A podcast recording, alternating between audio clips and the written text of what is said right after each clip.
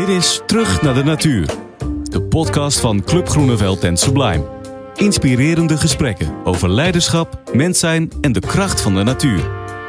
Vandaag een gesprek met Drees Peter van den Bos. Na tien succesvolle jaren bij Unilever besloot Drees de uitdaging in de voedselketen echt aan te pakken. Samen met zijn collega Willem startte hij Willem en Drees, leverancier van vers, lokaal en biologisch eten. Luister naar een bijzonder gesprek over marketing en het moment dat je beseft waar je eigenlijk aan bijdraagt, het verlangen naar eerlijkheid en transparantie en het complexe pad van ondernemerschap. Het is dus eigenlijk wel het landschap waar ik langzaam een beetje uh, ja, verliefd op ben geworden eigenlijk. Die uiterwaarden met de rivier en dan uh, dat wisselt zo enorm ook per seizoen en uh, je, de kleuren zijn anders, de grond is anders, de beesten zijn anders. Dus in de zomer dan heb je overal strandjes en dan kan je overal waar je wilt water in. En in de winter dan, dan is het, ja weet je, dan komt die rivier ook weer vaak natuurlijk helemaal eroverheen. En dan is het zompig en dan heb je de vogels die hier, hier overtrekken. Dus... Um... Je bent erop verliefd op geworden, zeg je. Dus het begon ooit met een, met een sympathie. Het begon met een sympathie. Ja, nee, want ik ben opgegroeid op de Veluwe. En uh, ja, dat is natuurlijk met name bos. En dat is, ook, dat is natuurlijk fantastisch. Dat, is, dat blijft ook altijd wel. Dat, dat is wat ik hier mis. Hè? Dus de hoeveelheid bomen.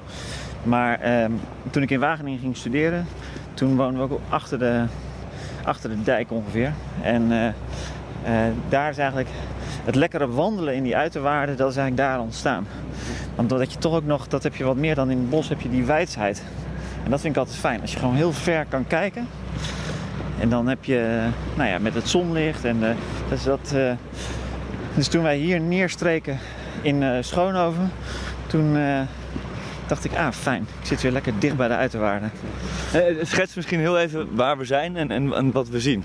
En we lopen hier nu, dit is officieel de Lopikenwaard. Je hebt de Krimpenenwaard, de Lopikenwaard, dat is eigenlijk uh, dat is een heel laag gelegen gebied. Vroeger was dat uh, voor een groot deel uh, moeras. en dat is aan de oevers van de, van de rivier. En daar heb je natuurlijk tussen de rivier en de, de en, de, de, en de dijk heb je dan de uiterwaarden. Die als een soort buffer dienen voor, voor het water. Dus het water kan hier omhoog komen, kan hier, kan hier helemaal blank staan. maar het grootste deel van het jaar kan je hier gewoon heel lekker, lekker wandelen. En is dit ook je je vaste, je vaste wandeling eh, die we nu lopen eigenlijk? Uh, dit is wel mijn vaste wandeling, ja. Nou, er zijn meer plekken waar je heel lekker erin kan. Dus het hangt bij mij ook een beetje vanaf wie is er mee. Als ik in mijn eentje ga wandelen of alleen met, met Eva, mijn vrouw, dan is het vaak hier. Uh, met de kinderen hebben we ook nog wel eens een ander stuk, want die willen graag in bomen klimmen. En dan is er een, een, plekje waar zij gewoon hun hutten hebben. Dan gaan we daarin, gaan wij wandelen en dan gaan zij in, in hun hutten zitten. Dus het, uh, het verschilt, maar, dit, maar dit, dit, is wel, uh, dit is wel een van, de, van mijn mooiste plekjes. Ja. Het begon dus bij de, nou ja, om, op het, uh, nog even bij de natuur te blijven. Het begon bij jou eigenlijk, was je een boskind, begon bij de bossen. Ja. Uh, je was ook een zoon van boeren, of in elk geval een kleinzoon. Kun je daar iets over vertellen, hoe je van de bossen tot de uiterwaarden bent gekomen? Ja, nee, ik ben geen boerenzoon in die zin. Mijn ouders hadden wel een melkveebedrijf, maar dat stamt uit uh, het feit dat mijn. Uh, we gaan hier het uh, dingetje over. Ja. Um, mijn opa die kocht na de oorlog heidegronden op, her en der in Nederland. En die ging dan ontginnen en zette hij een boerderij op. En toen hij in volgens mij 65 dood ging, had hij vier kinderen en vier boerderijen. Dus dat betekende dat mijn moeder een, een boerderij in de schoot geworpen kreeg. En dat was in ons geval een melkveebedrijf in Overijssel, in de buurt van Ommen. Mijn vader was dierenarts. Dus die, ik ben daar wel geboren, toen woonden mijn ouders daar. Maar er zat gewoon een boer op die, uh, op die boerderij. Maar wat ik merkte was dat ik het heel leuk vond om daar, ten eerste om daar te zijn. Op een bepaalde manier vond ik dat heel leuk, prettig fijne mensen, maar ook fijne plek om, om te zijn. Dus in de, in de vakanties, in de zomervakanties was ik daar een paar weken om te helpen. Toen had ik eigenlijk al wel heel snel door van ja, weet je, zelf ben ik ook absoluut geen boer. Maar ik was wel gegrepen door die voedselketen. Dus ik weet altijd dat als er dan die melkwagen kwam en wij waren heel erg bezig met, met de kwaliteit van de melk en de goede koeien. En eh, dat ik eigenlijk altijd dacht, het is best wel zonde eigenlijk. Dat er gewoon in die melkwagen zit gewoon de melk van de buren. En wij doen zo ons best en dan wordt die melk van ons, die gaat daar gewoon bij. Jullie melk was veel beter. Onze melk was veel beter, ja. dus dat is iets, een van de dingen die ik altijd me zo... Ja, waarom is dat eigenlijk? Waarom... Uh... Ja. En, uh, en ik was dan ook bezig van ja, uh, dus, dus, samen met mijn vader. Vond ik natuurlijk leuk als middelbare scholier. Dan zei ik van uh, waarom zitten we eigenlijk bij deze coöperatie? Ik hield dan prijzen bij van melk, melkprijzen die de verschillende coöperaties betaalden. En nou ja, dus die keten, ja. dat vond ik altijd heel interessant. Van waar, waar gaat die melk dan precies heen? Ja. En nou, wat maakt het voor verschil wat wij eraan doen? En, ja. dus, dat, dus daarom wilde ik eigenlijk ook in Wageningen studeren. Ik dacht nou, weet je, die voedselketen, dat is wel echt iets wat wat, wat ik ontzettend interessant vind. En uh, nou goed, en toen ik daar klaar was, toen dacht ik dus ook van nou, ik moet ergens halverwege die voedselketen wil ik aan de gang. En, uh, dus ik wilde heel graag bij Unilever werken. Want ik dacht, nou dat is een mooi Nederlands bedrijf en dat zit halverwege die keten. Dus dat, nou, dat, dat lukt ook. En dus ik weet ook nog dat toen ik die baan had en mijn vader zei ook, oh dat is mooi, dan kan je je leven lang blijven. Die zorgen hartstikke goed voor je. en zo zag ik dat eigenlijk zelf ook. Maar goed, na tien jaar Unilever, waar ik het onwijs goed naar mijn zin had, kwam ik eigenlijk wel tot de conclusie van ja, weet je, ik zie toch ook wel een aantal uh, uitdagingen eigenlijk in die voedselketen zoals we dat nu met elkaar doen. En ik ging me steeds meer afvragen van ja, dat eten wat op mijn bord ligt, waar komt het eigenlijk vandaan? Wie zit daarachter? Uh, wat is het verhaal precies daarachter? En uh, er was ook een moment dat wij verhuisden vanuit Utrecht eh, naar deze plek. En dat ik ook dus me hier een soort van ging aarden. Dus ook weer gewoon weer ging kijken van ja, wat voor eten wordt hier nou eigenlijk in de buurt Mm. gemaakt. En zo realiseerde ik me eigenlijk van ja, want ik ging ook weer wat praten met wat boeren. Toen merkte ik ja, zij weten ook eigenlijk niet meer waar hun producten nou precies heen gaan en voor wie ze het uh, doen. En weet je, het is, wat ik eigenlijk altijd frappant vond was dat ik uiteindelijk begreep van ja, weet je, als, als een boer produceert en het gaat van zijn erf, hij hoopt eigenlijk dat hij er niks meer van hoort. Want als hij er wat van hoort, dan is het altijd mis. Dus op het moment dat de vrachtwagen met appels uh, zeg maar, vertrekt, uh, dan hoopt die teler eigenlijk van nou, ik hoop dat ze er nooit meer over bellen. Want als ze erover bellen, dan, dan was die partij niet goed. Dus eigenlijk de, de hoofdrolspelers in de keten zelf kennen de keten niet meer. Nou nee, ze, maar ze hebben ook heel weinig grip op wat er daarna eigenlijk precies zeg maar, gebeurt. Dus, hè, dus zij zitten natuurlijk vast in een soort uh, van systeem wat helemaal nu gebouwd is. En wat heel erg op efficiëntie, op standaardmaten, op standaardprijzen. En daar kan je als eenling ook eigenlijk nauwelijks uh, ja. uh, uitstappen. Ja. Ja. Maar daar begon ik me eigenlijk wel een beetje zorgen over te maken. Want als je dan ook de gevolgen ziet van al die stromen over de wereld. En nou ja, dat wij in Nederland heel veel soja uit Brazilië halen. En nou, wij kunnen dan hier toevallig goed varkens houden, maar ja, die varkens gaan dan weer. Nou ja, dus dat, al die vragen ging ik mezelf stellen. Toen dacht ik, ja, weet je, ik wil gewoon meer weten over mijn eten. En volgens mij veel meer mensen. Ja, ja, ja. En, maar um, eigenlijk even terug. Uh, misschien de eerste vraag. Je noemt hè, het woord keten, want daar ben je natuurlijk eigenlijk ja, je hele professionele leven mee bezig. En sinds, sinds, sinds kind al. Maar als kind ken je dat woord misschien niet en je keek naar die melk. Ja. Um, toen was het nog niet de keten waar je door verbaasd was. Was er niet een, een ander aspect? Hoe voelde dat of zo als kind? Want ik kan me voorstellen, je zit nog niet in die systeemdenken natuurlijk. Nee. Nee, ja, precies. Maar ik was altijd wel benieuwd van, oké, okay, dit, dit, is die melk waar wij zo hard ons best voor doen. Die zit dan, eh, die, gaat, die gaat dan die vrachtwagen in. En dan komt hij bij een fabriek. En wat, wie beslist dan precies daarover? Dus daar was ik altijd mee bezig van, ja, ja. Wat, wie, wie bepaalt dan uiteindelijk ja. uh, waar het heen gaat, wat ermee gebeurt. Uh, en uiteindelijk, wat merkt dan ook toch wel die consumenten uiteindelijk zeg maar van? Ja. Dat, uh, dus ik, natuurlijk was ik inderdaad niet bezig met de keten, maar ik, ik, ik, ik... In zekere zin wel. In zekere zin wel. Ja. Ik weet ook nog dat ik heel bewust ehm, voor Wageningen koos, omdat ik inderdaad dacht van ja, weet je, al die stappen die, waar, waar dat eten doorheen gaat, Mm. dat vind ik eigenlijk ontzettend interessant hoe dat Ja. precies eigenlijk in elkaar zit. En Ja. waarom dat eh, werkt zoals het werkt. En nou ja, weet je, dat, dat, dat, is, dat is gewoon wel wat, wat ik al heel eh, vroeg heel erg interessant vond. Ja. Dus eh, welk DNA zit wat dat betreft dan in je? Dus je hebt de boer als het ware stroomt ook door je heen, maar er zit ook heel duidelijk een hoofd wat graag wil begrijpen. Ehm, Ja, zeker. Dus als er iets is. Dus ik, ehm, ik, ehm, ik vind het heel leuk om over dingen na te denken en om, om hè, dingen, te doorgronden. En dan met, eh, zeg maar, te bedenken van zijn er andere of nieuwe, betere oplossingen uh, mogelijk. Ja. Uh, dat, ja, dat, dat, is iets wat ik heel, wat ik heel prettig vind inderdaad. Ja. Dus dan ja, dus echt dat, dat zet je dan aan om je eigen keten te volgen en dan ga je via de, de bossen naar de uiterwaarden van Wageningen. Uh, waar je ook steeds meer doorkrijgt hoe het werkt. Ja. Um, maar kun je nog even inzoomen op het moment dat je besluit bij Unilever... dit ga ik niet 40 jaar doen, uh, hoe mooi misschien dat bedrijf ook is op dat moment? Nou kijk, die eerste jaren van je carrière, dat was in ieder geval bij mij zo... was ik heel erg bezig met hoe ver kan ik komen. He, dus Hmm. uh, ik vond Unilever een heel interessant bedrijf...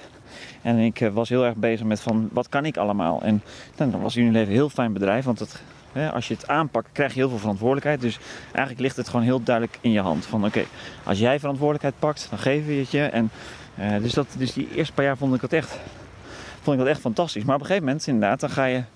Ik stond op een gegeven moment op een, op een borrel van iemand die met pensioen ging. Nou ja, en dan hoor je zo'n verhaal, een fantastisch mooi verhaal over wat die persoon in de afgelopen 30 jaar allemaal gedaan heeft. En toen ineens zag ik inderdaad mezelf staan. Toen dacht ik van, oké, dus daar sta ik dan straks. En dan zegt iemand, uh, dankzij jou eet Nederland twee keer zoveel Magnums. En toen dacht ik, ja, oké. Okay. Dus toen kwam eigenlijk de klik van, ja, en waar ben ik dan nu precies mee bezig? Dus wat, waar leidt dit dan toe? En, uh, nou, om een mooi voorbeeld te geven, wij bij Unilever introduceerden in die tijd uh, Knorr V. Ik weet niet of je dat nog kent. Maar dat was een heel klein flesje. En dat, in dat flesje, dat was gewoon, uh, dat was puur groente en fruit. Dus dat, dat product klopte best wel goed. En dat was dan, dus de claim was, met die ene shot heb je de helft van je uh, behoefte aan groente en fruit heb je binnen. Ja. Nou, ik was, uh, ik was, zat aan de commerciële kant. Ja. En ik zag natuurlijk onwijs veel kansen voor dat product. En ik vond het ook eigenlijk vanuit Unilever geredeneerd, waarin je altijd de pakjes en de zakjes, uh, weet je wel. Dat ik dacht, ah, dat is eigenlijk best wel goed. Dat we nu ook gewoon vers groente en fruit in zo'n. Uh, ja. Dus, aan, dus ik aan de ene kant, ik zag en heel veel kansen. Ik vond het een mooi product. Aan de andere kant was dat ook het moment dat mijn, mijn jongste zoontje, of mijn, dus niet mijn oudste zoon, maar die, die was toen net één geworden. En ik weet nog dat ik tegen mijn vrouw zei van, één ding we hem nooit geven. En dat is Knorvie. Ah. Als die jongen leert dat groente en fruit uit een flesje komt, dan is het einde zoek. Hij moet gewoon een appel krijgen en dan moet hij gewoon aan gaan. En toen reed ik op een gegeven moment naar mijn werk. dacht ik, ja, waar ben ik dan eigenlijk precies mee bezig? Want hoe mooi ik het product aan de ene kant ook vind, aan de andere kant, ja, weet je, waarom hebben we zoveel, zo weinig aandacht nog voor eten, hm. dat de helft van ons groente en fruit uit zo'n klein flesje moet komen? Waarom is het niet mogelijk om in die 24 uur gewoon even een uurtje of anderhalf te pakken, gewoon even met aandacht eten klaar te maken, bij elkaar te zijn. En toen dacht ik inderdaad, ja, dat, hè, dus zo ontstond eigenlijk wel het beeld van, ja, dit, is, dit, is, dit gaat uiteindelijk niet de goede kant op. Ja, eh, waarom dan niet? Want je kan ook uh, zeggen van, nou, daar is wel iets voor te zeggen, want het is heerlijk. Het, is ook, het scheelt ook tijd en het is, uh, ik hou niet van groenten, dus dan kan ik het lekker met, een, uh, met wat uh, smaakstoffen ook nog lekker maken. En dan gooi ik het bij mijn uh, en dan ben ik er vanaf. Ja. Ja, precies. Nou, kijk, dat komt omdat ik denk dat eten veel meer is dan alleen. Hè, want dan benader je eten heel erg als voedingsstoffen. En ik geloof dus dat eten eigenlijk veel meer is dan dat. Um, en dat, dat het juist. Hè, kijk, er zijn natuurlijk eeuwen geweest dat het verzamelen van eten ongeveer het allerbelangrijkste was waar wij als mens mee bezig waren. En dat er ook een soort natuurlijke evenwicht was tussen nou ja, weet je, het eten wat wij eten, de omgeving waarin we leven. Uh, dus dat was, allemaal met elkaar, dat was allemaal met elkaar verbonden. En dat zorgde er ook voor dat dat evenwicht ook bleef bestaan. Ja. He, dus er kwamen in de stad nooit meer mensen dan dat het ommeland die stad kon voeden. Ja. ja nu uh, gaan we naar de woestijn toe. We zeggen, joh, laten we hier 2 miljoen mensen laten wonen. En ja, hoe ze de komende 200 jaar te eten krijgen, dat, dat, daar zijn we totaal niet mee bezig. En ik geloof wel dat die natuurlijke kringlopen en die systemen, dat dat eigenlijk wel belangrijk is dat we dat bewaren. Want als we daar heel veel in gaan uh, schudden, ja, weet je, dan, dan wordt het op een gegeven moment echt onbeheersbaar. Uh, en ik geloof dus dat, dat, dat de waarde van eten veel groter is dan alleen voedingsstoffen. Het brengt je ook samen. Het is het moment dat je met elkaar aan tafel zit. Het is het moment dat je, hè, dus, ja. het is het moment dat je echt iets voor een ander kan maken. Want hoe vaak maak je nou nog echt iets voor, voor een ander? Er zit, er zit heel veel verbinding in. Nou, en Ja. dan heb je natuurlijk ook nog het aspect van gezondheid. Dus er zitten zoveel kanten aan het eten die eigenlijk heel mooi zijn. Ja. Maar ik kan me ook voorstellen, dus wat je nu vertelt is natuurlijk ook een verhaal wat je ook vertelt natuurlijk met, met, met uh, uh, je bedrijf. Ja. Uh, dat is ook, ik, ik hoor wel, je meent het, maar tegelijk begint het dus ook bij een soort, ik vind dat knaagmoment altijd interessant. Van, je zit dus op zo'n moment met je, met je jongste zoon daar klopt iets niet. Dat, dat gevoel. En daar komen natuurlijk allemaal gedachten uit voor, maar daar klopt iets niet. Dus de Knorvie heeft jou gered wat dat betreft. Ik weet niet of het redden is. nou ja, oké, niet redden inderdaad. Maar Knorvie begon dus dat je eigenlijk in eerste instantie was het goed idee. Ik vond het een heel goed idee. Ja, moet je, kijk, ik was verantwoordelijk voor de, uh, onder andere voor de on-the-go kanalen. Dus zeg maar de tankstations, uh, de treinstations. Uh. En daar Hè, dus het assortiment dat Unilever daar had, dat, hè, of heeft, dat is natuurlijk heel veel ijsjes, uh, maar ook de Lipton Ice Tea, uh, maar ook kuppensoep, uh, weet je, dat soort dingen. Ja. En die, die zijn gemiddeld genomen zijn natuurlijk best wel veel samengestelde producten, niet heel natuurlijk. Dus ik dacht inderdaad van, weet je, als wij nu gewoon ook in dat, in dat segment gaan van gezond en, en, en, want het was ook een kort houdbaar, dus een soort van half vers product. Ja. Ik denk, ja, dat is eigenlijk best wel tof. Weet je, ik zie daar heel veel mogelijkheden, want dat gaat groeien, want mensen willen meer gezond eten. Uh, het is een probleem dat mensen te weinig groente en fruit eten. Dus als we daar een oplossing voor hebben, dus inderdaad net wat jij ook zei. Ja, ik geloofde heel erg in, de, in dat product. Het heeft het overigens niet gered, want het is nu niet meer op de markt. Maar uh, ik, ik was het toen, toen, toen, het ge, toen het ontwikkeld werd en ik zag het, dacht ik wel van ja, wauw, dat is wel een mooi product inderdaad. Ja. ja. ja. En dan, dat zeker over 30 jaar, sta je niet bij jouw uh, pensionering en het verhaal te vertellen dat jij degene was die dat ene product in de markt bracht, waardoor nu iedereen aan de Magnum en de Knorr V zit tegelijkertijd. Nee. Uh, hoe je over 30 jaar er wel bij zit, dat, uh, dat weet je nu waarschijnlijk absoluut helemaal niet. Nee. Um, want je hebt, nou ja, vanuit die gedachte ben je, ben je um, uiteindelijk Willem en Drees begonnen. Wat zit Ja. daar nog tussen? Daar zit eigenlijk niks tussen. Kijk, Willem was een, uh, uh, was een collega van mij. We werkten samen bij Unilever. Wij merkten dat we heel goed konden samenwerken, maar totaal verschillend waren in uh, hoe we dingen deden. Maar wel vanuit een soort van dezelfde basisprincipes hoe we nou, naar de wereld kijken, hoe we graag met andere mensen willen omgaan, dat soort dingen. Dus dat was eigenlijk best wel een goede match. En, uh, en wij gingen hier over dit thema, eh, van, daar gingen we een beetje samen over praten. En Willem is eigenlijk, die wist al veel langer van vroeg of laat, dan uh, wil ik eigenlijk wel voor mezelf uh, beginnen. Ja. Ik had het eigenlijk niet zo. Ik, had, ik heb nooit gedacht van ik ben nou echt de, de geboren ondernemer. En bij mij was het meer van, ja weet je, ik zie eigenlijk dat het anders moet. Ik wil ook heel graag dat het anders gaat. Uh, als ik dat echt wil, dan, moet ik, dan zal ik zelf uh, daar echt uh, actie in moeten ondernemen. Toen kwam ik tot de conclusie: ondernemen is dan eigenlijk de beste manier om, om daar vorm aan te geven. Dus, dus wij gingen daar samen over praten.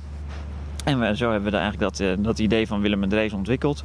En nou, op een goede dag hebben we onze baan opgezegd en zijn we in het voorjaar van 2009 begonnen. Hoe zag die dag eruit? Was het een sprong in het complete diepe in pure angst? Of zat er ook bij van uh, dit, uh, dit, dit, is precies wat ik moet doen? Beide eigenlijk wel. En wat ik, maar wat ik uh, merkte was dat de meeste zorgen zeg maar, over... die maakte ik me vooraf. Hè? Dus je, bent, je moet al best wel even een aantal stappen nemen voordat je nou ja, toch eigenlijk alles wat je hebt, of ja, niet alles, maar je hebt best wel wat opgebouwd. Ja. En dat, dat leef je eigenlijk toch allemaal in één keer in. Uh, het moment... Zekerheden ook. Ja, zekerheden. En, uh, en, maar op het moment dat, je dat, uh, dat, ik, dat ik zeg maar over die brug was, was er eigenlijk ook geen twijfel meer. En toen was het gewoon oké, okay, we gaan. En, en wel zo van, weet je, als het niet lukt, dan is dat ook, weet je, dan is dat heel vervelend. Dan is het natuurlijk ook uiteindelijk de, vergaat de wereld niet. Dan, He, dus ik geloof ook altijd in dat het heel belangrijk is dat je je leven ook weer zo inricht dat je de stappen die je zet, dat je, niet, dat je jezelf niet helemaal vastbindt. Dus je moet probeer altijd zo te leven dat, uh, dat, ik, dat, ik, dat ik niet 100% ergens van afhankelijk ben. He, want dan, uh, dan heb je toch heel weinig speelruimte voor jezelf. En uh, nou ja, zo probeer ik dat eigenlijk nog steeds te doen. Dus ook als, als, als, als het in uh, dit ondernemersbestaan niet goed gaat, dan, ja, dan probeer ik daar niet, van, niet te afhankelijk van te zijn. Hè, maar wel gewoon. Nou ja, dus dat betekent gewoon dat je, als je zelf zeg maar, aan je eigen leven, materialistisch gezien, niet hele hoge eisen stelt, dan is dat ook allemaal best wel makkelijk te realiseren eigenlijk. Hmm. Maar ook dat is weer een. Um een weg op een bepaalde manier. Er zullen ook heel veel mensen zitten bij corporates die, laat ik zo zeggen, een mens gedijt hem in zekere zin goed bij zekerheid. Ja. En tegelijkertijd zit daar mis, zet je jezelf ook gevangen. Ja. Uh, ja, je, precies zoals je het zegt. Ik denk dat, kijk, natuurlijk is het fijn als je bepaalde zekerheid hebt, dat geeft rust.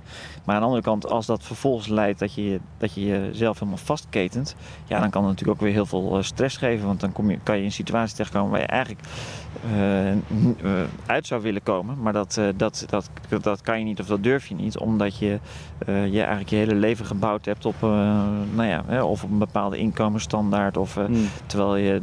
En, en ja, dat uh, dat, dat was volgens mij niet heel handig. Ben je blij dat je die stap genomen hebt? Ik ben blij dat ik die stap heb genomen, ja. ja. Het is niet zo dat... Uh, kijk, aan de andere kant, als je mij tien jaar geleden gezegd had... Uh, van dit, dit, hier ga je allemaal doorheen. Dus dit, dit ga je allemaal op je pad tegenkomen. dan weet ik niet of ik het gedaan had, als ik heel eerlijk ben.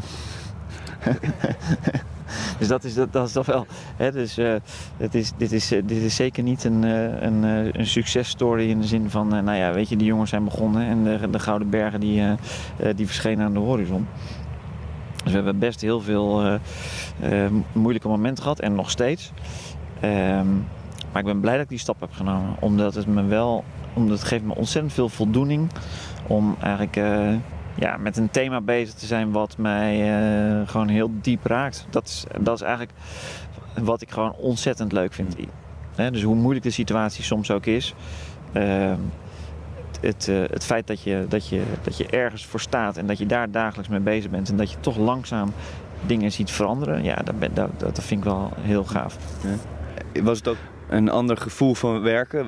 Nou ja, het is, kijk, je, ik vond het ik, ik, ik, ik heb het ook altijd heel fijn gevonden uh, in de, de levensfase waarin ik zat. Dus zeg maar met, met, uh, ja, met baby's zelfs. Hè. Dus mijn, mijn, mijn jongste zoon moest nog geboren worden toen ik ging ondernemen. En die andere waren, twee waren ook heel klein. Uh, dus, dus die eerste zeg maar tien jaar dat die kinderen ook opgroeien... Ehm, vond ik het eigenlijk wel een heel fijn bestaan in die zin dat je uh, heel flexibel kan zijn. Hmm. dus ik, voor mijn gevoel heb ik, heb ik keihard gewerkt, maar ben ik er ook heel veel, uh, zeg maar, gewoon thuis geweest. En uh, dat is denk ik, uh, als ik dat vergelijk met het, kijk, het, corporate leven, heb je die flexibiliteit gewoon vaak net wel wat minder. En dan heb je natuurlijk ook meer, dan is vakantie ook echt vakantie vaak. Dat is bij mij niet het, dat is bij mij niet het geval. dus daar staat zeker wat tegenover.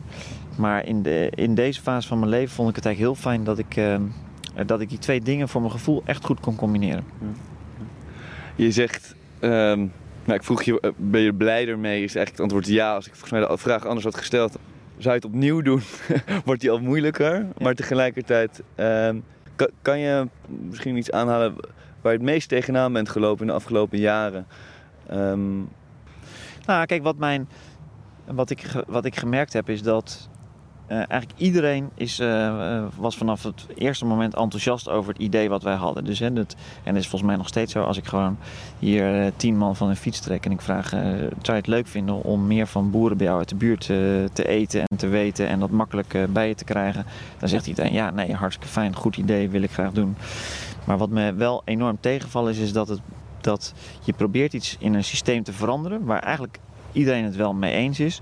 Maar toch is, er, eh, is het, dat bestaande systeem zo ontzettend dominant dat je eigenlijk gewoon toch heel erg steeds in de marge weggedrukt wordt. Dus om dat systeem te veranderen. Eh, ik ben volgens mij een onwijs positief mens, maar daar ben ik, heb ik wel heel vaak gewoon mijn neus gestoten. Uh, hoe krachtig iets is wat, ja, waar ook natuurlijk gewoon heel veel gevestigde belangen in zitten, maar ook wat een hele krachtige, winstgevende uh, stroom is. Om, dat, om daar iets aan te veranderen, dat is me eigenlijk wel heel erg tegengevallen. En, dat, heeft, dat, en dat, dat zie ik dan terug in, uh, hè, dus ook in mijn eigen bedrijf, dat het heel moeilijk is om dat goed winstgevend te krijgen. Om hè, aan al die principes waar je aan wil voldoen, dus een eerlijke prijs betalen, uh, weet je, een heel duurzaam telen. Uh, mensen natuurlijk uiteindelijk ook niet, wel gewoon een, ook een reële prijs vragen voor het product wat je hebt. Nou, weet je, in dat, in, om in dat spel al die principes constant recht overeind te houden en een goed florerend bedrijf te zetten heel erg lastig. Heel lastig. Want het houdt eigenlijk in een bestaanssysteem niet, niet aan te passen, maar opnieuw uit te vinden bijna. Ja, dat, dat, dat, dat, dat is het. Maar om. Uh, hè, dus dat is ook eigenlijk de route die we met Willem en Drees uiteindelijk gelopen hebben. In eerste instantie waren we heel erg van overtuigd van je hebt die je hebt dat bestaande systeem. En wat we moeten doen, is we moeten daarop aanhaken. Want wij, Willem en ik zeiden altijd, als we onderdeel zijn van het systeem, is het veel makkelijker om het te veranderen Mm. dan dat je aan de zijlijn staat en je zegt het gaat niet goed en het moet anders. Ja. Eh, dus die eerste vier, vijf jaar hebben we eigenlijk ook besteed om gewoon onderdeel te worden van het systeem. En, eh, en, en, en dan onze boodschap te vertellen van, ja, weet je, wij vinden eigenlijk dat een aantal dingen best anders kunnen. En ook heel makkelijk anders kunnen gaan. Door gewoon die lokale stromen toe te voegen aan die supermarktstroom. En, eh, maar wat we daar uiteindelijk merkten was dat iedereen wel ja knikte en zei van, eh, weet je, Willem en Drees is een mooi spiegeltje aan de wand. Ehm, maar eh, als puntje bij paaltje komt, dan, weet je, dan, ja, dan, dan kies ik toch voor andere belangen. Dus uiteindelijk werden we gemarginaliseerd. Hè? Dus we werden soort, wel ook het gevoel dat we een soort van doodgeknuffeld werden. Want Mm. iedereen vond het leuk, maar niemand zei volmondig ja en zei van, nou, oké, weet je, ik, ik, ik zet hier mijn handtekening en wij zorgen ervoor dat dit echt een verandering teweeg gaat brengen. En, eh, vervolgens hebben we de keuze gemaakt van, oké, dan gaan we gewoon zelf die stroom leggen. Dus met andere woorden, we zijn rechtstreeks aan consumenten gaan leveren. Ehm, en ik denk dat dat een hele goede keuze is geweest. En toen zijn we samen gegaan met B-Box en toen hebben we dat geïntegreerd. En, ehm, maar daar zie je dat, dat eh, voordat je ook maar enigszins de, de schaalvoordelen hebt eh, van, eh, van de ketens waar je rechtstreeks mee concurreert, ja, dat, dat is. Dan heb je gewoon wel even een wedstrijd eh, te gaan voordat je er bent. En misschien om die wedstrijd even de finish gewoon even te kijken vanuit idealisme. Hoe ziet die ideale keten er eigenlijk uit? Nou, dan geef ik iets anders. Als je kijkt naar hoe ik naar de voedselketen kijk, dan zie ik eigenlijk drie grote uitdagingen. Dat is, eh, dat is één, hè, we putten de aarde op dit moment uit. Hè, dus we zijn bezig met voedselproductie op een manier die je eigenlijk gewoon niet 50 jaar nog eh, kan doen. Als je kijkt naar bodemvruchtbaarheid, eh, uitputting, eh, nou, dat soort. Dus dat is probleem één. Probleem twee is, we eten te ongezond. Dus het voedsel wat we voortbrengen is niet, eh, is niet gezond genoeg. En het derde is, we verdelen de lasten niet eerlijk eh, over de keten, maar ook een heel groot deel van de, van de lasten die nu gepaard gaan met de productie van ons voedsel, die berekenen we niet door. Dus iedereen weet inmiddels dat vlees eh, niet heel goed is voor de, voor de planeet. Maar toch berekenen we de, zeg maar, de kosten die we de toekomstige generaties daar, daarvan hebben, berekenen we niet door in het product van vandaag, wat eigenlijk wel zou moeten. Dus we kijken eigenlijk we kijken naar een keten alsof het van A naar B loopt. En niet als een soort eh, s- keten die aansluit bij het Ja. begin. En als je gewoon nu al weet dat, eh, dat, dat productie van vlees een aantal eh, nou ja, een, negatieve impact heeft op het milieu, dan zou je die gewoon moeten verrekenen in je prijs. Zodat je daar in de toekomst, hè, dus dat je een systeem krijgt wat. eh, nou, die drie dingen. Ehm, eh, en, en die keten, dus dat, want dat is jouw vraag. En die keten van de toekomst, die geeft eigenlijk integraal op die drie punten antwoord. Dus dat is een duurzame productie eh, van gezond eten, waarmee alle kosten die gepaard gaan met de productie van het eten, die worden, wat je dan genoemd, geïnternaliseerd. Dus die zitten in de prijs eh, berekend. En dat is eigenlijk wat wij met Willem en Drees willen laten zien, dat dat eigenlijk op een hele relatief simpele manier mogelijk is. We zijn gewoon een club van biologische boeren in Nederland. Die brengen allemaal lekker eten voort. Ehm, wij stoppen dat, wij maken daar mooie boxen van met recepten. En eh, eh, we betalen die boeren een, eh, een goede prijs. Je krijgt eten wat eh, voor een heel groot deel uit eh, onbewerkte groenten bestaat. Zodat je dus veel onbewerkte groenten van het seizoen van dichtbij eet. En inmiddels berekenen wij wel alle externaliteiten door. En berekenen die ook door in de prijs. Zodat we zeg maar, gewoon klimaatneutraal werken. Dat is wat mij betreft hoe je, en dat kan je op een heleboel andere manieren ook doen. Maar wij willen laten zien van, nou, weet je, dat is helemaal niet ver weg. Want ik bedoel, daar kan je gewoon morgen mee beginnen. En dan geef je daar op een hele simpele manier eigenlijk eh, invulling aan. We hadden eerder een gesprek met eh, Maurits Groen ook. En dat ging ook eh, over ehm, idealisme past in zekere zin in het systeem zoals het er nu is. Maar wat is er nou uiteindelijk voor nodig? Want het systeem lijkt bestendig tegen heel veel idealisme, zou ik maar zeggen. Precies. nou, ik denk bijvoorbeeld dat stel, ehm, eh, stel dat je gewoon met elkaar afspreekt. eh, ehm, eh, want daar zit die, die true cost accounting, zoals dat heet, hè, dus het daadwerkelijk doorrekenen van al die externe kosten in je prijs.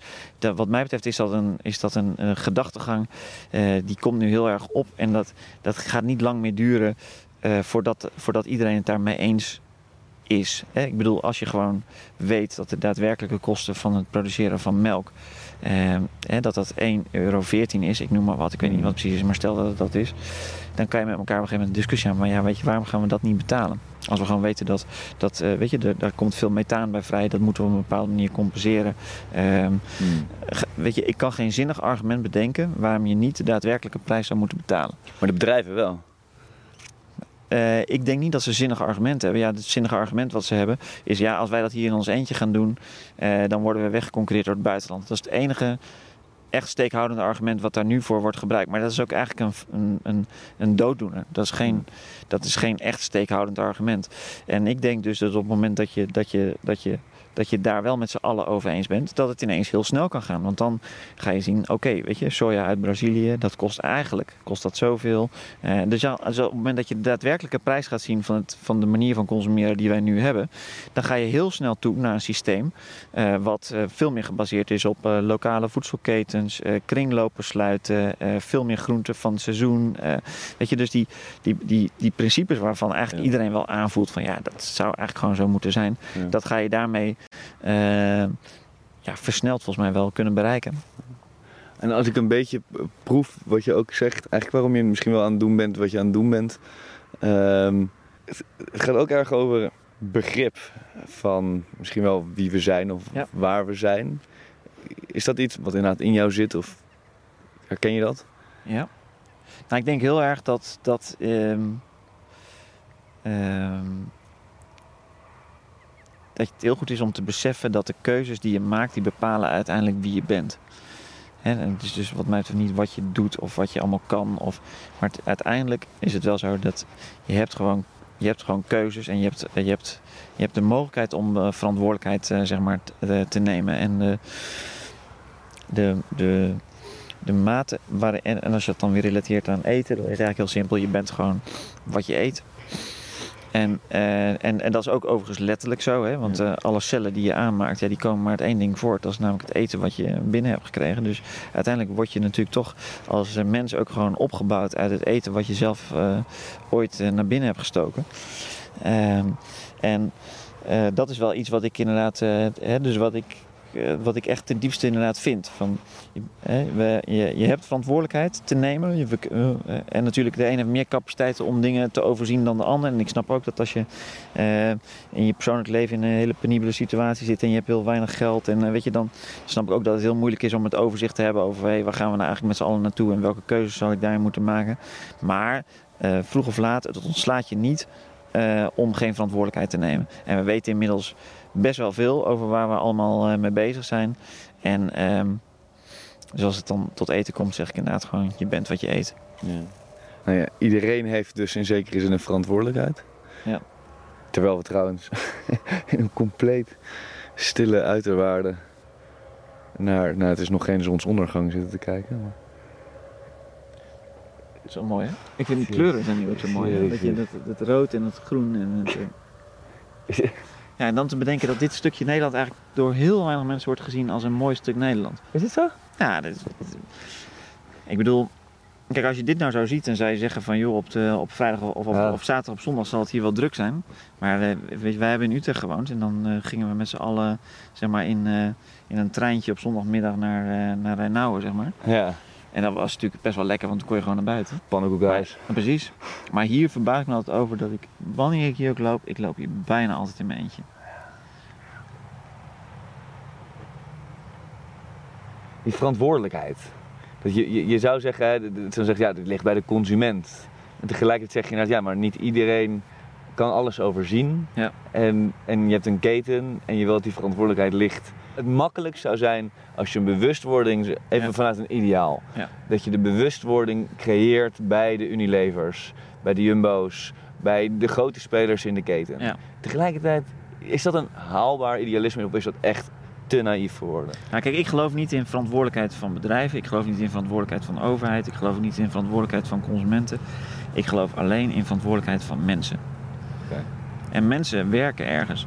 En mensen eten ergens. Hmm. En mensen Weet je, dus het gaat niet om, eh, om eh, kijk, als jij, eh, als jij overdag zeg maar wapens verhandelt en je gaat s s'avonds lekker naar de biologische boer om je, ja, ik bedoel, volgens mij heb je dan ook nog wat afslagen gemist.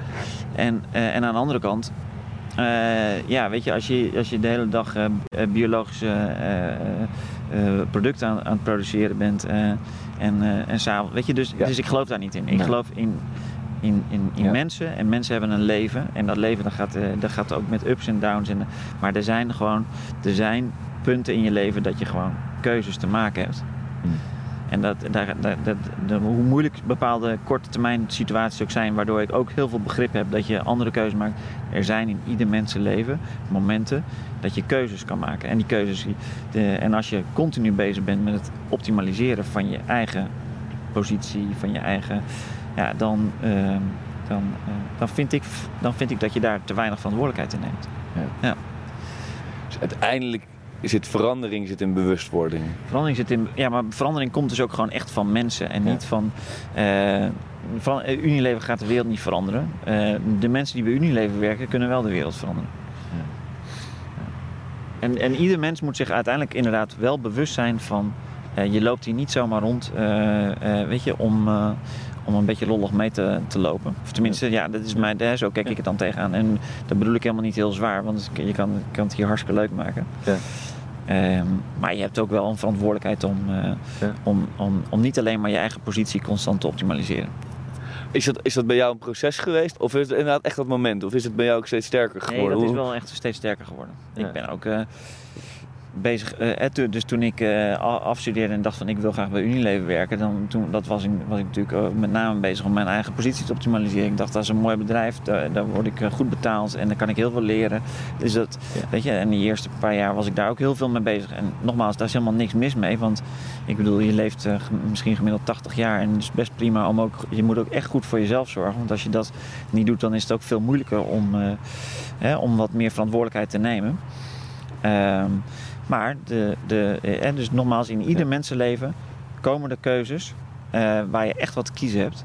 En dan komt het er wel op aan dat je de goede keuzes maakt. Ja. En daar kan je niet eindeloos voor weg blijven lopen.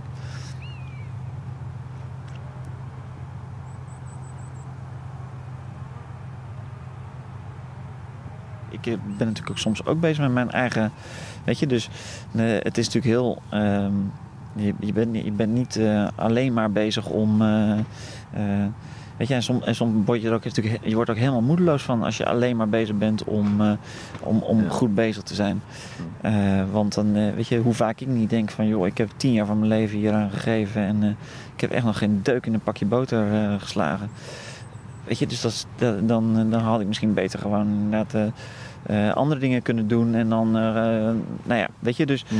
dat. ehm, het, het, het, het, het, het zit hem ook volgens mij wel heel erg in die balans. Want eh, nogmaals, hè, als je je eigen leven ook niet goed op orde hebt, dan, dan, dan is het ook heel moeilijk om andere keuzes te maken. Maar Ja. ehm, Maar en hoe ga jij dan door? Ik kan me voorstellen, iedereen loopt op een gegeven moment tegen een muur. Wat- Wat zijn dan de... Hoe sleur je jezelf op die momenten weer eruit? Ehm, voor mij is dat heel vaak toch persoonlijk contact, zeg maar echt persoonlijk contact met anderen.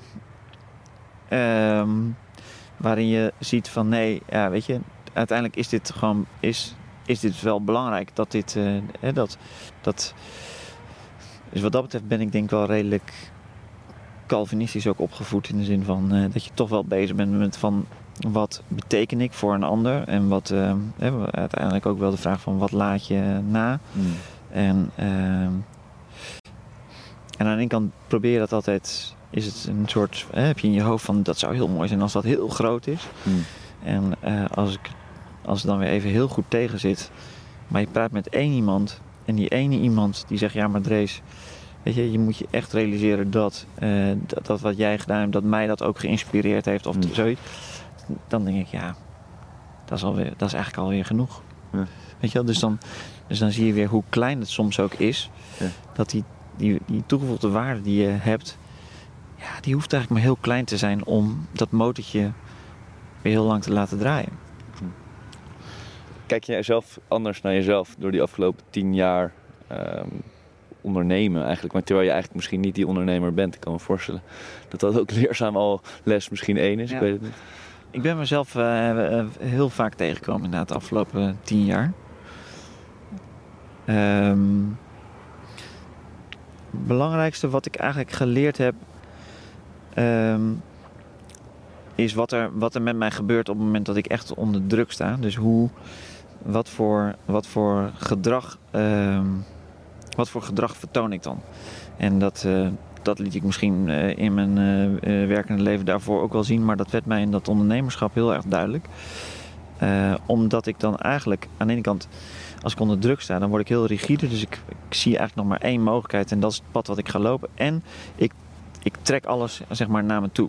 Hmm. Dus ik, um, waardoor ik eigenlijk voor anderen heel moeilijk uh, te beïnvloeden ben. Um, uh, ook eigenlijk, ik, ik vraag helemaal geen hulp aan andere mensen. Want uh, ik heb heel erg het idee dat ik mijn eigen problemen op dat moment op moet lossen.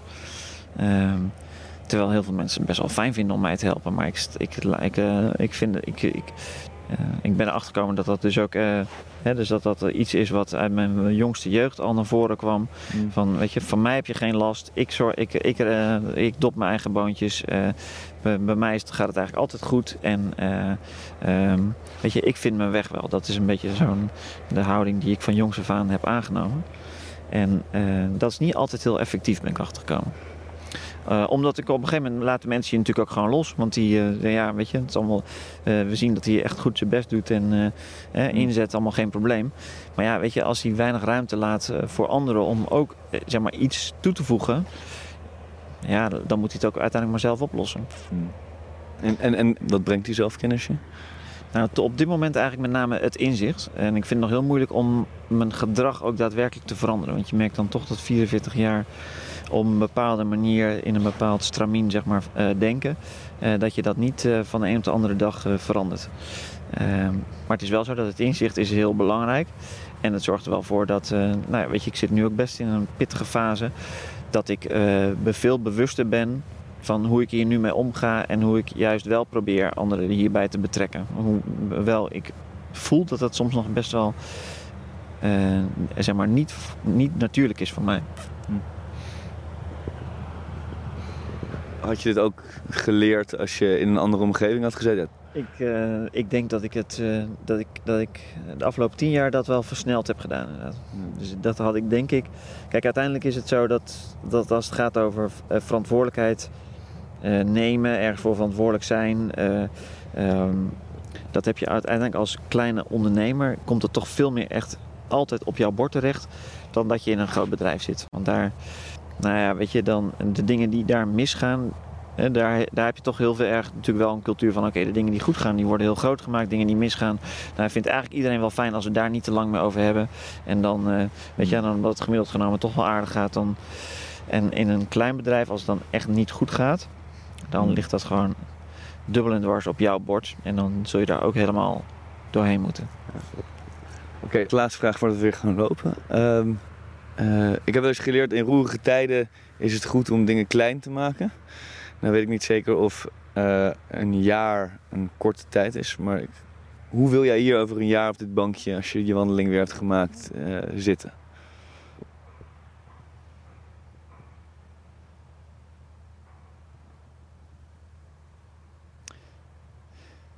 met een groter gevoel van vrijheid. Dat is eigenlijk mijn belangrijkste. Um, uiteindelijk, als ik heel eerlijk ben, um, voel, ik me, uh, voel ik me ook wel eens in, dat, in die tien jaar ondernemerschap, je bent, ook, je bent er helemaal mee uh, verbonden geraakt. En dat uh, voelt.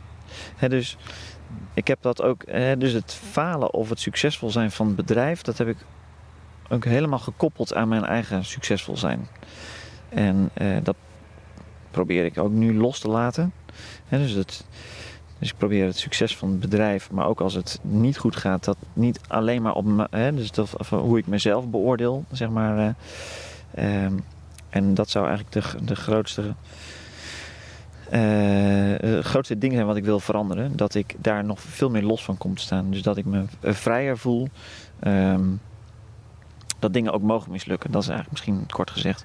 Uh, nu word ik soms ook heel krampachtig, omdat voor mijn gevoel als, als het als het mislukt, dan voelt dat ook als een mislukking voor mezelf. En eh, dat hoeft eigenlijk helemaal niet. Maar zo voelt het wel. Hm. Succes ontkoppelen eigenlijk van het Ja. bedrijf. Ja, maar ook succes. Dus, dus, eh, dus zeg maar, eh, het kan nog persoonlijk best wel een succes zijn, terwijl het bedrijf geen succes is. En dat, ehm, dat, hè, dus dat kan ik nu uitspreken, maar dat, dat, zo voelt het totaal niet. Dus dat is mijn hoop voor over een jaar inderdaad. Maar, maar zou je ermee kunnen leven als jij... eh, nou, je nou voor succes hebt bijvoorbeeld, Ja. dan, dan speelt status ook een rol. Tenminste, voor veel mensen. Ik zeg niet dat het voor jou zo is. Maar dat iedereen is er voor gevoelig, de meeste mensen. Maar als nou je dat, nou ja, dit boerderijtje, dus niet als boer, maar als zelfbestaand gezin, zelfonderhoudend. Je kan je kinderen naar school sturen. Ehm, is dat genoeg? Dat is een hele moeilijke vraag. Want ik zou die vraag natuurlijk heel graag met eh, ja beantwoorden. Hè, dus, eh, en dan eh, de indruk wekken van ah, die jongen heeft helemaal niks nodig. En geef hem een paar varkens en een, en een zelfvoorzienend huis en hij is helemaal klaar. Ja.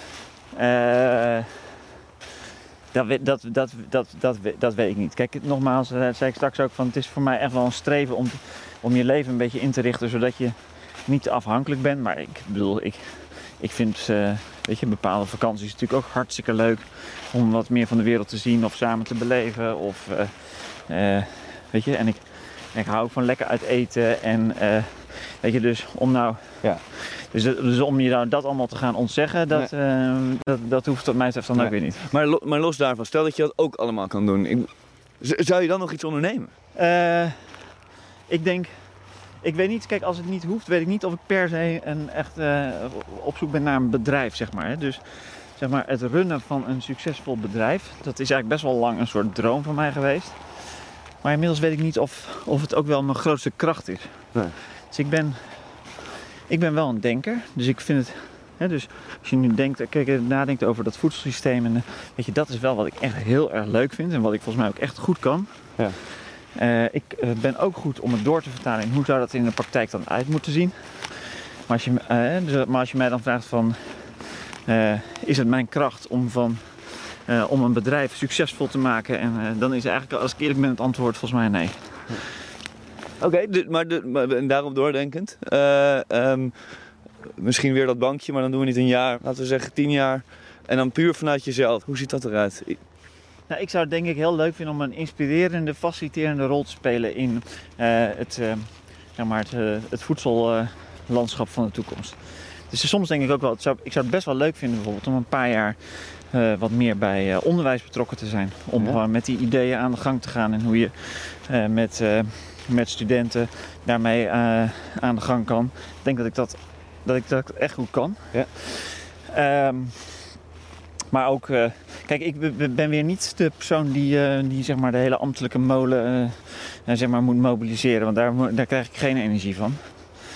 Ehm, dus ik denk een beetje op het, op het vlak van eh, het ontwikkelen van de visie, hoe moet die voedselketen eruit zien en het vervolgens ook in de praktijk brengen. En dan vind ik het eigenlijk best wel leuk natuurlijk om daar ook gewoon met mijn poot in de modder te staan. Dat is helemaal niet zo dat ik alleen maar eh, eh, ideeën wil hebben en ik ben bijvoorbeeld ook voorzitter van de voedselfamilies. Dat is een, een, een groep met koplopers in de, in, de voedel, in, de, in de voedselketen in de provincie Zuid-Holland. Ja, dat vind ik super leuk om gewoon weet je, dat netwerk bij elkaar te brengen. eh, met elkaar te discussiëren over hè, wat de volgende stappen zouden moeten zijn. Hoe wij daar als, Ja. als netwerk zeg maar, een volgende stap in kunnen zetten. Ja. En dan merk ik ook inderdaad van daar krijg ik onwijs veel energie van. Ja. Oké. En dan eigenlijk echt zonder grap, maar wat heb je nodig hiervoor? Om even deze, dit uit te diepen. Ehm, wat heb ik nodig? Eh, vind ik, dat vind ik altijd best wel een lastige, lastige vraag eigenlijk. Omdat- Niks. Nee, omdat ik inderdaad dan gewoon denk, ja nee, ik moet daar gewoon in actie komen, denk ik altijd. Ik denk nooit van, ik heb, eh, ik, eh, iemand anders moet iets doen. Ik ben altijd heel erg geneigd om gewoon naar Mhm. mezelf te kijken, naar wat moet ik nou gaan doen. Dus als ik dat wil, dan moet ik volgens mij gewoon zorgen dat ik, die, dat ik mezelf die kant op beweeg. Dus, Ja. En dat betekent eigenlijk een paar dingen. Dat ik gewoon zorg dat ik de komende jaren wat losser kom te staan van eh, zeg maar operationele directievoering. Ja. Eh, en me wat wat meer ga bezighouden met ehm, hoe het systeem kan veranderen. Ja, wat, wat ik dan wel interessant vind, dat uiteindelijk. eh, ik vind het woord netwerk vind wel, op een manier vind ik moeilijk.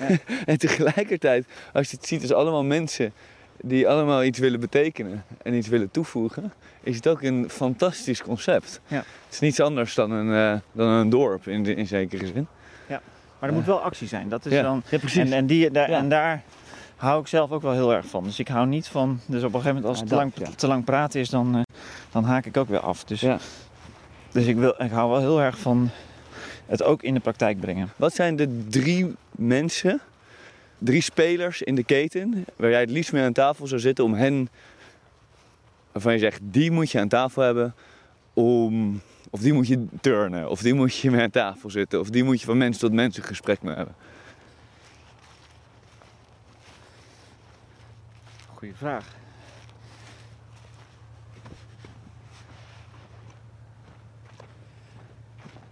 Ik denk toch. ehm,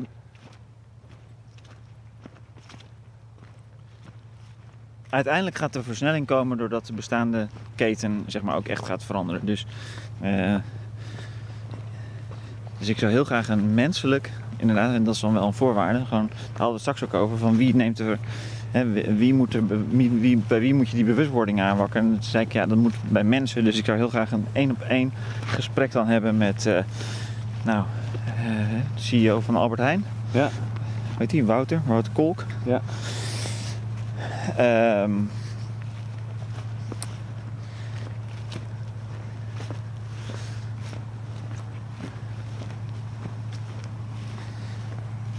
ik denk ook dat de rol van, eh,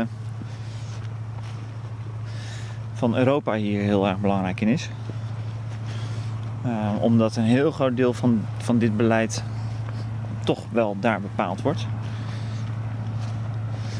Ehm, dus ik denk dat ik de eindverantwoordelijke daar, ik weet niet precies, eh, ja, ik weet dat, dat die wordt die eurocommissaris. eh, Portefeuille landbouw, ja, precies. Ik, eh, ik kom even niet op zijn naam. Nee. Ehm, de boeren. ja, daar zit ik ook. Dat is inderdaad mijn. eh, uiteindelijk. Waar ik altijd. Kijk, wat ik een van de leukste dingen vond toen ik met Willem en Drees begon. Was dat ik uiteindelijk gewoon weer aan de keukentafel zat bij boeren. En ehm, dat zijn toch uiteindelijk, hoe je het ook bent of keert, zijn dat andere mensen dan. ehm, nou, waar ik in mijn vorige leven mee te maken had. Dat zijn andere mensen dan inkopers of accountmanagers. Of, eh, want een boer die, die, die, die, voelt het gewoon dagelijks wat het is om gewoon met z'n met zijn handen in de grond te zitten en te zien wat er daadwerkelijk gebeurt, de veranderingen te zien. Ehm, en uiteindelijk begint daar toch ook de.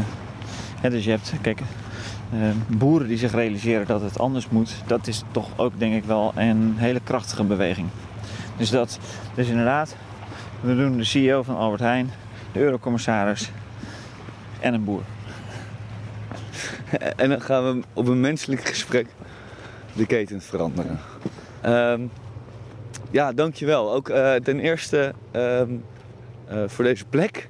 Dat zijn mijn cadeautjes. Ja. En eh, heel erg eh, eh, dank ook eh, voor je idealisme. Graag gedaan, vond het leuk.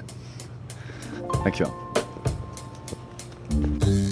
Je luisterde naar Terug naar de Natuur, een podcast van Club Groeneveld en Sublime. Wil je meer weten? Ga dan naar clubgroeneveld.nl.